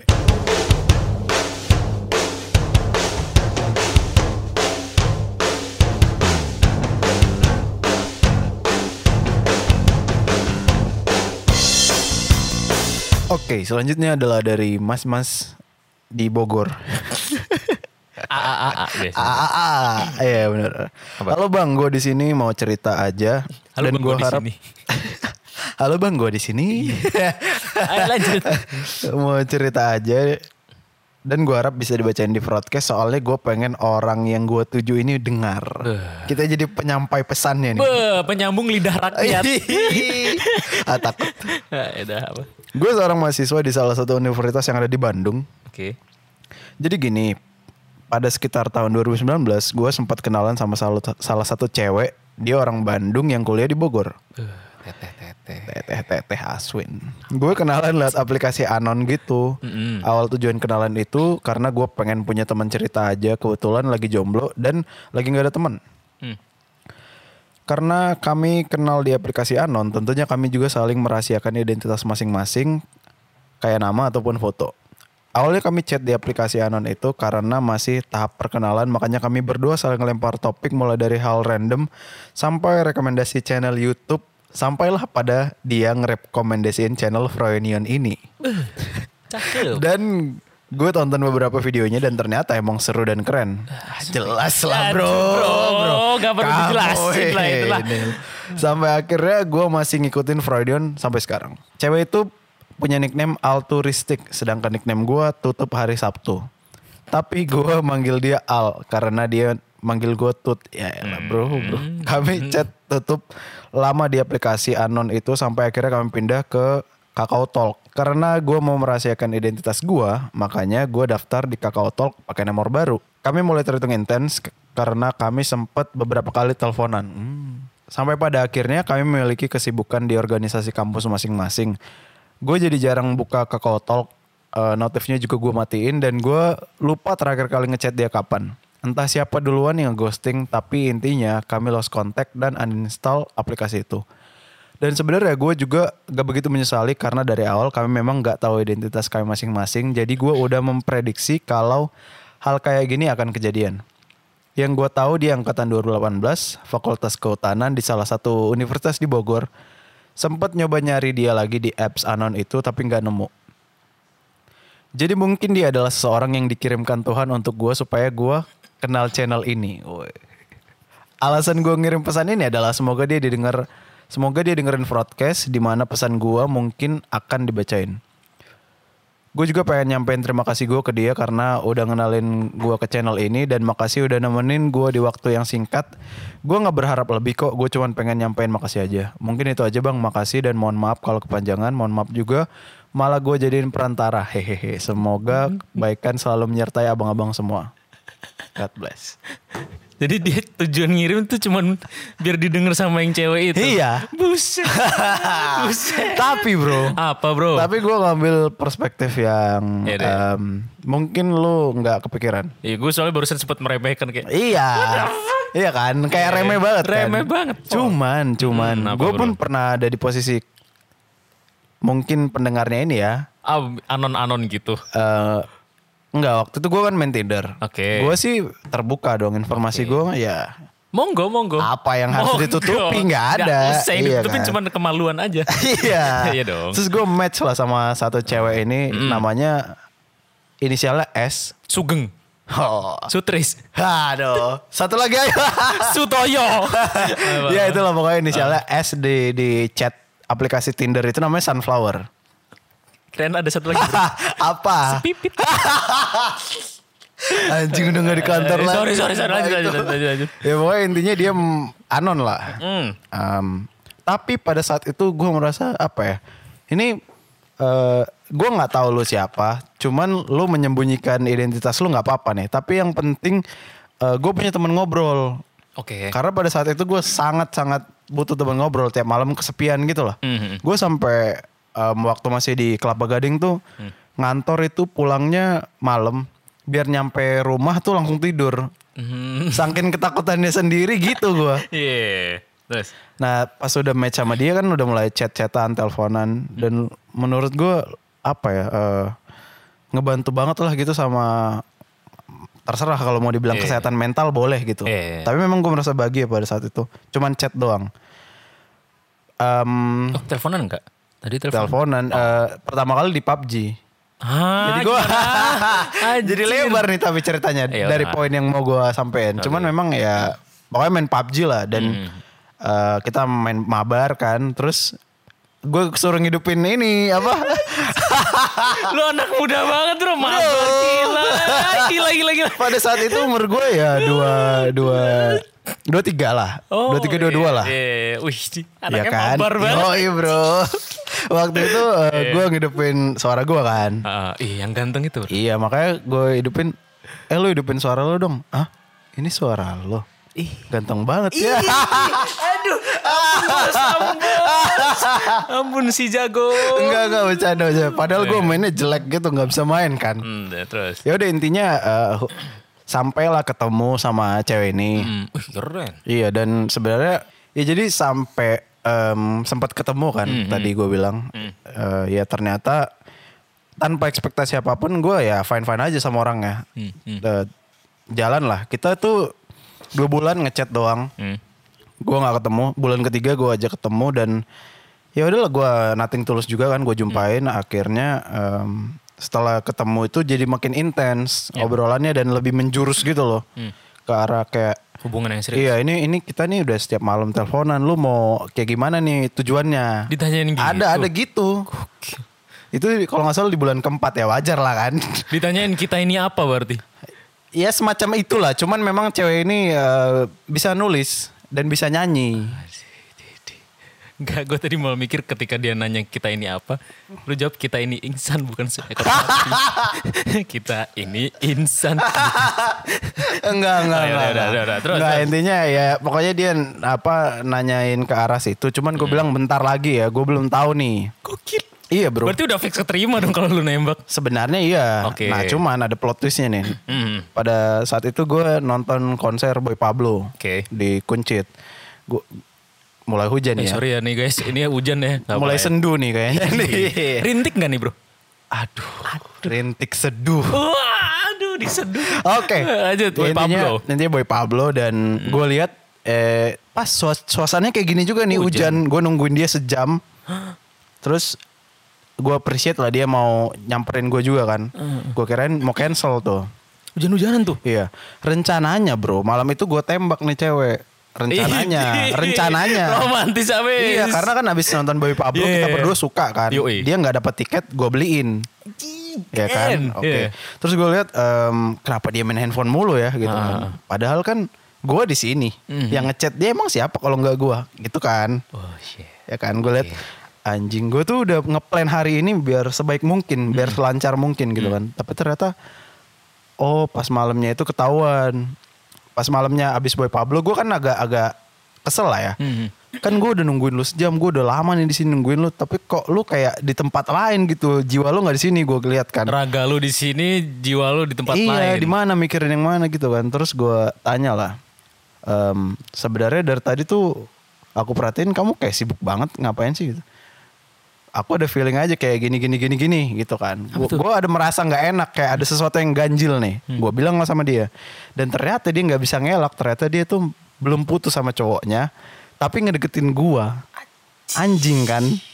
Itu anjing banget bro gue udah ngeplan sebagus mungkin nih hari ini kita nonton acara yang kita suka kita nonton eh, musisi-musisi yang kita suka gue pengen nembak lo tapi ternyata kayak gini nih hasilnya Pertanyaan pertama gue, Ah. dari awal lu PDKT sampai lu 4 Hmm, bulan jalan kayak gitu-gitu, lu nggak pernah nanyain ke arah, lu punya cowok nggak kayak gitu? setahu gue enggak lah kenapa nggak ditanyain bro? Gue nanya bro, Heeh. gue nanya kamu nggak punya eh gini lah biasa trik-trik Eh, ini, ini, gua tahu biasa nih. lah trik-trik Iya. anjing gitu kan. Heeh. Eh, Kalau aku ngechat kamu ada yang marah nggak nih? Wah, anjing. Terus dia jawab, Ya nggak ada lah siapa yang marah. Wow. Oke clear, oke clear menurut gue oke. Oke, Berarti lampu iya. hijau dong. Lampu hijau Dan harusnya. kita jalan berapa kali waktu itu. eh, pertama kali even pertama kali jalan aja waktu itu ketemu di mall kan kita pertama suka sam- suka banget sama musisi Mondo Gascaro "Uh, emang lu berdua keren abis lu. Mono Enggak, Gascaro, bro. Boy Pablo, anjing. Enggak, bro. Mungkin Jadi di memang- tahun itu gue masih mendengerin band-band seperti Leto. Enggak ya ya? makanya itulah Iya. kita cabut spontan tuh abis dari eh Mondo main nih di sini Hmm. ya udah yuk kita kesana aja yuk hah serius iya udah nggak apa-apa kesana nah gue lihat dia nangis malam itu terharu Gua, oh ini cewek yang gue butuh nih gue butuh cewek yang sensitif kayak gue gitu lah mirip kan eh ternyata pas malam yang sangat gue rancangkan itu semuanya ketahuan bro Aslinya gitu. aslinya gimana dan gue sih ya nggak tahu ya kabar dia sekarang gimana cuman menurut gue ya ya, ya sudah lah gitu tapi poinnya adalah kenapa gue menceritakan ini Di Sobat Pena yang barusan kita omongin. iya karena gue rasa relate sama cerita mas-mas ini Oh iya sih. karena memang gue percaya ada beberapa orang yang cuman mampir ngasih lu pelajaran soal rasa sakit mungkin ya kan Ih. biar lu bisa menghargai saat lu ketemu orang yang tepat lu nggak sia-siakan mungkin kayak gitu Kalau yang gue kutip dari buku yang pernah gue baca, Frank. Ah. Eh, kau adalah singgah yang tak sungguh. Oh, iya iya iya. Iya, itu juga ada Mirip beberapa lah, di- mirip, mirip, di lagu mirip. siapa gitu ada. Mirip mirip mirip. Cuman mampir Ini doang ya. amigdala bro. Ah, Kukira kau kos kosan. Cuma Eh, tempat singgah doang. ya. Eh, Singgah doang, Iya, bro. kok kos-kosan pindah-pindah. Iya juga ya. Bener-bener. ya itulah mungkin. Memang ada beberapa orang yang di di apa ya di Hidup kita. perintahkan Tuhan mampir doang. Mm, mm, mm. Untuk memberikan Ini. pelajaran. Iya. Benar. Anji. Mungkin waktu itu ini sebenarnya hampir sama kayak yang kisah gue waktu itu ini ya. Yang dari Oki gitu. Iya iya iya. Dia cuman mampir terus cuman ngasih pembelajaran bahwa oh alah ternyata yang gua waktu itu kan gua langsung ibarat gua udah menaruh ekspektasi anjir ini Banyak lah ya. ini Indomie gua nih. Hey. Iya. Selera aku banget. Hey. ini udah selera gua banget nih. Anjing. Terus ternyata gue dikecewakan dengan waktu itu Kinur yang ngomong, Swin, Hmm. emang lu yakin emang dia gini-gini? Gue udah yakin kayak gini. Dia pernah nanyain kabar lu gini-gini. nah, Gue langsung bertanya-tanya. Iya. Dia dari lu dapat dari online dating kan? Hmm. Iya juga sih. Emang lu doang. Gue Nah. tahu sih sebenarnya emang bukan gue doang, cuman terus langsung gue mikir, anjir. iya juga ya. Gue iya langsung juga ya. mikir berat berat berat. Ya ya udah tiba-tiba dia ngilang ya. Iya, iya, iya. Anjing ini ya udah ngasih pelajaran ke gue bahwa nggak naruh ekspektasi berlebih intinya. Iya Meskipun sama. itu udah kayak misalnya udah gut gue udah ngomong kayak wah ini udah fix, Dia nih, fix. dia fix ternyata nope. Makanya gue waktu itu lo em, bilang nemu cewek dari online dating, gue tuh langsung, ih nanti kayak gue lagi nih, kayaknya nih. Tapi tapi sekarang justru gue udah nggak ngerasa marah atau dendam atau apa sama sekali sih sama Yang tadi itu. Simba itu iya. Iyalah, lu udah bahagia dengan yang sekarang bro. Iya dan memang yang di itu pelajaran yang sangat penting sih, jelas sangat penting. Luar biasa bro itu bro. Ya kita di- akan endingnya ntar dipertemukan se- dengan seseorang yang udah kadarnya tuh udah pas lah buat kita. Iya iya, iya. Gitu. itu kan Kita saling kayak melengkapi. trial and error kan. Pa- kayak pada akhirnya semuanya akan make sense. Wih. Ah, pada akhirnya ya namanya kehidupan. iya bro, naik turun. eh ini kita nggak mau nanggepin mas-masnya yang tadi nih. Ah, oh iya. Enggak enggak, dia kan cuma mau jadi Oh, iya. penyampai pesan aja. Oh iya, semoga Mbak yang tadi nyaranin Froinion buat si Mas ini Hmm. dengerin dan Dengerin dengerin. Semisal ada terketuk hatinya mungkin kan tadi pakai nama samaran tuh. Iya, iya, iya. Mungkin di search aja. mungkin Masnya harus bikin akun Instagram itu terus ngasih di bio nama asliku ini loh. terus yang mbaknya tadi semisal denger nih Iya, iya. eh, nyari akunnya Masnya tadi terus di akunnya dia juga misal tadi apa tutup hari Sabtu ya. Iya, iya. Nama asliku juga ini loh. Mas. siapa tahu Nah, siapa ntar bisa tahu- DM DM. Iya, siapa tahu cocok kalian. Tapi siapa tahu juga malah ketemu nanti makin hancur nggak tahu Oh, ya, juga. nggak tahu. Iya. Itu urusan mungkin- kalian lah itu. Di season selanjutnya. Iya. Kayak series-series gitu ya. Oke, next. Next. Oke, cerita selanjutnya dari Presto Curiosity. Apa sih nama Prestoi bangsat? Pagi, siang, sore, malam. Halo Bang Aswin dan Bang Haris. Halo. Perkenalkan nama gue Presto, nama samaran. Iyalah, masa ada sih nama orang Presto, Bos.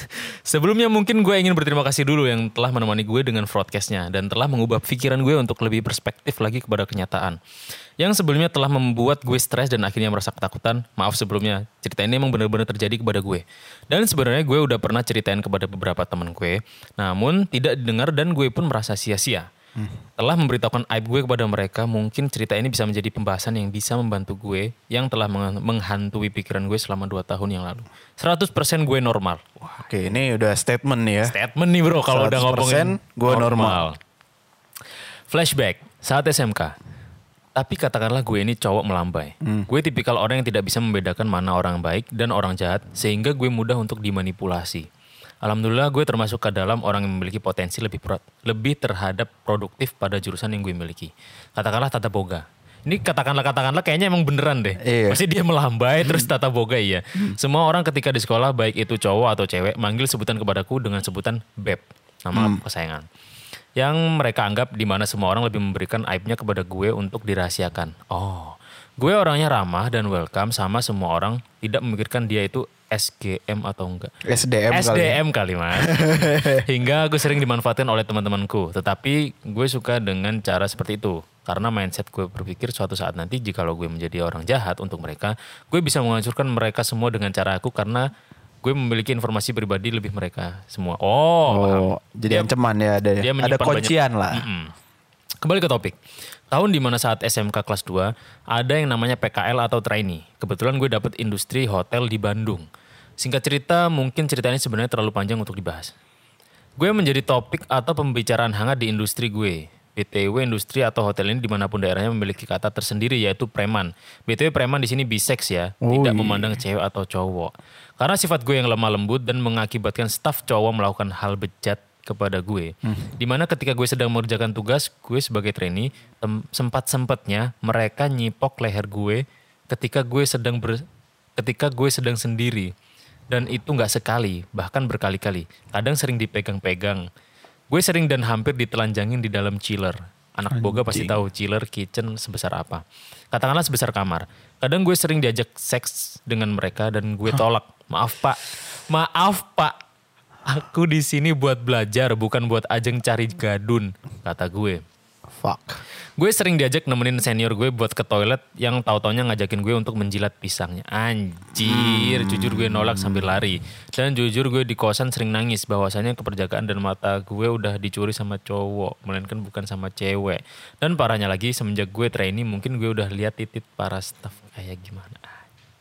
Dari warna ukuran lebat flat Anjing. dan lain-lain. Biar ada jokes sedikit gue lebihan kata-kata yang ini. Oh anjing. Oh. Dua minggu menjelang masa training gue selesai, para staff nginep di kosan temen gue buat mabok-mabok sampai gila. Dan paginya ketika gue mau berangkat kerja, masuklah gue ke kamar temen gue ini. Tujuannya untuk membangun dia. Karena itu memang tanggung jawab gue sebagai leader dari departemen ini. Mungkin gue bakal cerita sedikit di sini. Dulu pada saat pemilihan leader trainee, dilihat dari basic yang dimiliki, dan kebetulan gue yang terpilih. Mungkin dari sinilah alasan kenapa gue, alasan, kenapa gue harus ikut ke sana sini. Balik ke topik. Gue melihat para staf sedang tidur telanjang bulat dan hanya menggunakan celana dalam saja. Dan gobloknya lagi, gue masuk ke kamar teman gue selepas gue mandi dan di posisi tersebut gue sendiri dalam keadaan telanjang dan hanya menggunakan handuk kecil. Dari situ gue cabut dan langsung ke tempat gue kerja. Siangnya pas ketika semua staf ramai dan kebetulan sedang sepi mengun- pengunjung, gue difitnah habis-habisan dengan tuduhan melakukan sodomi kepada senior gue ketika di kosan. Anjing.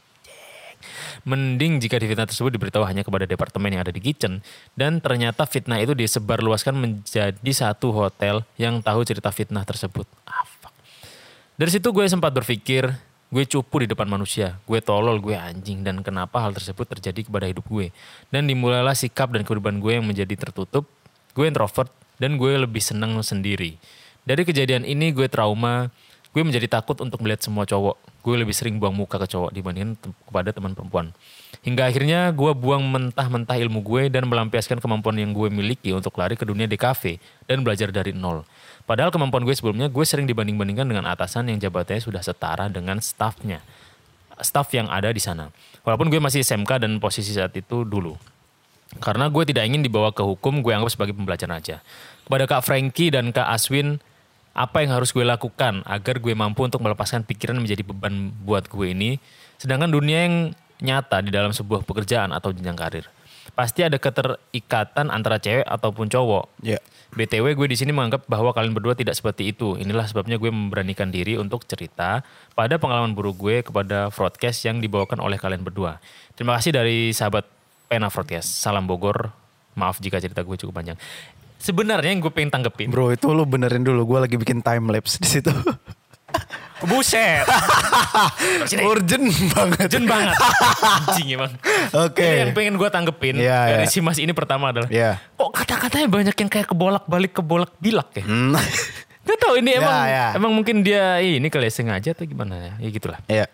Oke, gimana nih Kak Haris Frankie? Hmm, hmm. Kalau kita lihat dia anak SMK, dia Korban. korban pelecehan, ta- eh difitnah, korban fitnah lebih tepatnya. Difitnah, iya, iya. Terus sering menjadi ya itu semi-semi pelecehan ya. Iya, iya. Eh tapi udah masuk pelecehan sih, sampai dicium-cium, disuruh itu. gue gue sebenarnya yang pertama kali pengen gue respon adalah Hmm. gue nggak tahu kenapa orang tuh nggak berani ini ya ngelawan ya Ih, gue kemarin baru banget lihat di Twitter. Ah. Entah ini sebuah permasalahan orang pemerkosaan. ya Banyak orang yang ngomong kayak kalau misalnya cewek ketika diperkosa sama siapa itu tersangkanya, hmm, ngelawan gitu enggak, kebanyakan cewek diem cuy. Karena ada sesu- ternyata setelah diteliti, cewek ketika di posisi eh, di- mau diperkosa kayak gitu itu, itu Iya. ada bagian otak yang nge-freeze. Jadi kayak ngebeku terus oh masih ngecerna ini ya iya dia langsung bingung Frank kayak fakta ya anjing kok diapain Ba- makanya kita kayak ngelihat orang diperkosa, diperkosa mesti ngomong lah dia mah enak juga kan ceweknya digini-gini matamu enggak anjing itu, itu, dia kaget itu kaget, dan itu emang ada di, di bagian otak sebelah mana itu nge-freeze nge-freeze ya. jadi mungkin si mas yang tadi itu juga ada di posisi gimana dia waktu dicium waktu Iya. disuruh ini kaget juga kaget anjir Iya. apalagi di chiller room tadi ya Oke, itu kan pas kejadian. Mm-mm. Tapi kan pas setelah kejadian itu ada ya ada kesempatan buat lu ngelawan gitu loh. lewat ya nggak tahu fisik atau speak up atau apa gitu loh Oh, oke iya benar-benar apa ya em, ya harus apa gue gimana ya mungkin ini sih Frank ada rasa takut buat eh, speak up gitu-gitu konsekuensinya apa gitu karena dia pasti ngeliat takutnya ntar diteror kah atau Hmm. mencoreng nama baik ini kah masalahnya kayak yang kayak gitu-gitu kalau nggak dilawan dia selanjutnya akan merasa bisa melawan itu lagi sama lo si si tersangka korban ya tersangka ke korbannya maksudnya. iya jadi merasa kayak oh kemarin dia fine fine aja gue lakuin aja lagi gitu iya sih biar bagaimanapun lo harus ngelawan gitu entah lo cara kabur dari circle itu gitu loh dan mungkin perlawanan yang dilakukan Mas ini salah satu bentuknya adalah lewat cerita ini sih kalau menurut gua cerita Iya, kita iya. ini salah satu bentuk dia untuk mungkin ini langkah kecil tapi sangat berdampak untuk dia ya untuk cerita ke kita karena dia Iya. tadi cerita ke temen malah nyeritain aib teman-temannya nggak ada yang ngesupport tangkepinnya gitu doang kali ya gitu. iya nggak tahu sih gue masih merasa Hmm. em, dianya masih belum cukup berani ngelawan pada saat itu gitu loh Ini mungkin sama kayak yang kemarin kes- kasus pemerkosaan yang di Bintaro itu ya. iya iya Yang lu sempet share waktu itu. Hmm. Kan itu bener-bener berani banget untuk speak up tuh. Si Mbak Ami Fitria atau siapa gue lupa. iya sih cuman memang masalahnya adalah kalau lo speak up nanti orang jadi tahu semua orang tahu aib lo dan itu Hmm. ya malu juga gitu kan Ya konsekuensi yang tadi. serba lu bilang. salah Se- sebenarnya dari dari sudut pandang korban tuh serba salah Iya. mau ngomong nanti ketahuan orang jadi aib tahu semua gitu kan Kalau nggak ngomong malah jatuhnya kayak yang tadi. Iya. Ntar tersangkanya malah happy-happy aja gitu. Ah itu dia. Fuck bro memang kalau pelecehan ini aduh. Apa yang ada di otak orang-orang yang melecehkan. Emang Iya. binatang aja mak- gimana ya maksudnya yang- emang kalau pinter pasti nggak melakukan. Iya sih. Kalau lu logika lu jalan misalnya ya nggak tahu lah gimana caranya lu ngedeketin cewek atau lu Hmm, jajan gitu kan. Kan banyak caranya. Kenapa harus maksa gitu loh. Melampiaskan hasrat. Iya kan aneh gitu loh. This is fucking Christ. Gue gue sih gue sih yang gue em, mudah-mudahan orang-orang yang jadi pelaku ya Hmm. Ah. nanti suatu saat anak atau orang yang disayanginya yang kena sih. Mudah-mudahan ya. Uh, Wih. Mampus lo. Ampun bos. sabar, sabar, sabar, sabar. Iya sih. Cuman emang ini tidak bisa ditolerir lah. Gak bisa lah. Gue percaya karma sih Swin. Sama gue juga percaya gue, karena gue habis ngalamin waktu itu. iya sih. Ya kita eh seperti biasa kita nggak pengen kayak sabar ya mas. Iya, ya. iya, enggak, Cuman ya tadi lah apa aksi yang bisa dilakukan setelah kejadian itu gitu. Hmm, tapi ya itu tadi kalau mau speak up, tadi konsekuensi yang gue bilang itu pun Hmm. berat juga gitu loh. Mungkin ya itu tadi, mungkin kita ngasih opsi antara lu speak up dengan benar-benar nge-publish siapa aja itu dan Iya. mungkin konsekuensinya itu atau lu mungkin ya karena emang lu pengennya damai-damai aja Hmm. dan mungkin itu akan nyakitin lu gitu Ya, dan atau lu mau jadi itu menjadikan itu masa lalu yang lu pu- tutup rapat-rapat gitu bisa aja. Hmm, bisa aja nggak apa. Itu Iya. pilihannya dua itu sih. Iya. Ah, Tapi saran gua kalau gua sendiri ya nggak tahu lo ya. Kalau gua mending speak up aja sih. Maksudnya ya biar si kapok aja sih tersangka-tersangka itu. Iya, Nggak tahu ini tapi gua tapi ya tapi le- kita lihat lagi si masnya itu siap nggak? Nah. Kalau dia dapat exposure kayak kemarin gitu loh. Iya sih. Iya benar-benar. Kayak si yang di Bintaro itu. Untungnya ketangkep kan akhirnya. Iya, iya. Gue gue eh, takutnya adalah jangka panjangnya sih. Kayak semisal nih si mbaknya itu Hmm. Iya. suatu saat entah berapa puluh tahun lagi si cowoknya ini keluar dari penjara terus akhirnya membabi buta. Lagi. Lu kan yang masukin gue ke penjara karena gue aja waktu itu udah lu bersyukur gue masih kasih hidup kan. Dia ngomong gitu kan di Instagram. Hmm. Iya. Ketika suatu saat kayak gitu, si mbaknya ini nggak punya backup untuk ngelindungin dia. Iya, itu iya. karena penuh dengan resiko ya. Iya. Atau sih suatu sebenarnya. saat tiba-tiba Iya, mbak iya. ini jangankan misal dari si antara korban dan tersangka ya. Hmm. Misal korban ini di lingkupnya dia akan dicap sebagai seorang yang hina Iya, gitu, iya, gitu kan harus benar-benar siap dan banyak sih yang harus dipikirin sih. ya sih. Ya, Susah kalau kayak gini tuh susah banget sih. as a human kita cuman ya Gimana? Iya, banyak banget konsekuensinya. ngomong di ending namanya kehidupan. Iya sih. Berat, bro. Fuck. Selalu cerita terakhir nih kadang bangsat. Tapi ya nggak tahu lah ya. Gue Hmm. gue sih percaya eh everything happen for a reason gitu loh. Oke, iya benar-benar. Iya, mungkin nanti em, dia bisa jadi apa ya? Entah pun misalnya si masnya ini nggak speak up, Hmm. tapi bi- dia bisa jadi pendengar yang baik nanti. Kalau misalnya Iya. ada temennya, lo bisa apa? em, confront orang ini harus gimana gitu loh, ngasih tahu gitu loh. Iya. Ya bagus lah dia tadi udah pindah ke DKV. Iya, iya. Kayak pindah bidang. Mungkin dia udah ngerti seluk-beluk dan bobroknya di bidang yang tadi industri yang dia bilang tuh. Perhotelan itu. Kayak ya. gitu-gitu. Iya, Dia pindah ke DKV. Ya begitu aja lah untuk masnya.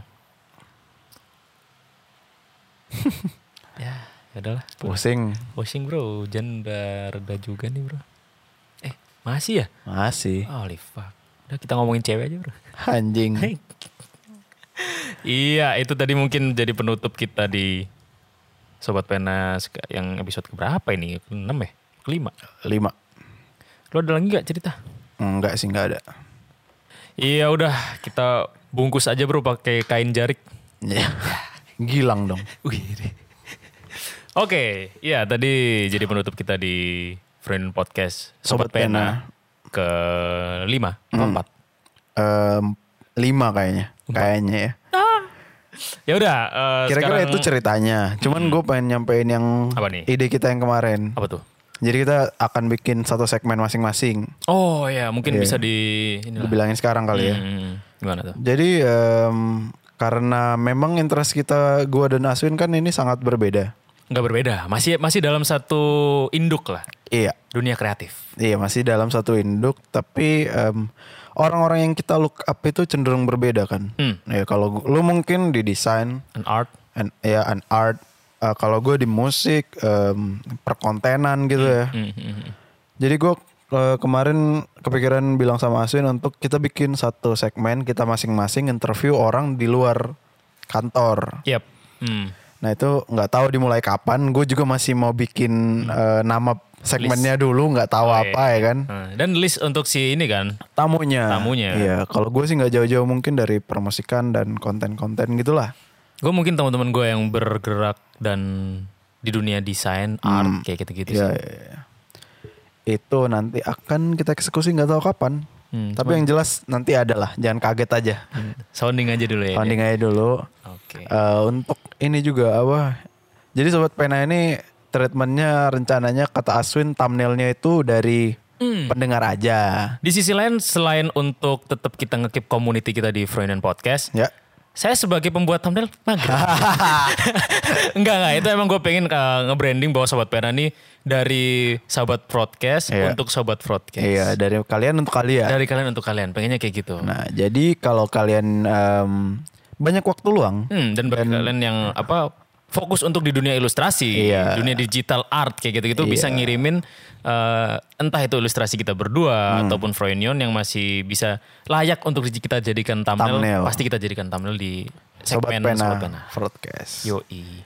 Begitu aja em, informasi tambahan dari kita berdua. Terima kasih sudah mendengarkan Froynion Podcast dan Sobat Pena episode ke-38 sepertinya. Yup. Gua harus Frankie, Dan gue Aswin DC. kami pamit. Dadah. Bye. Muah.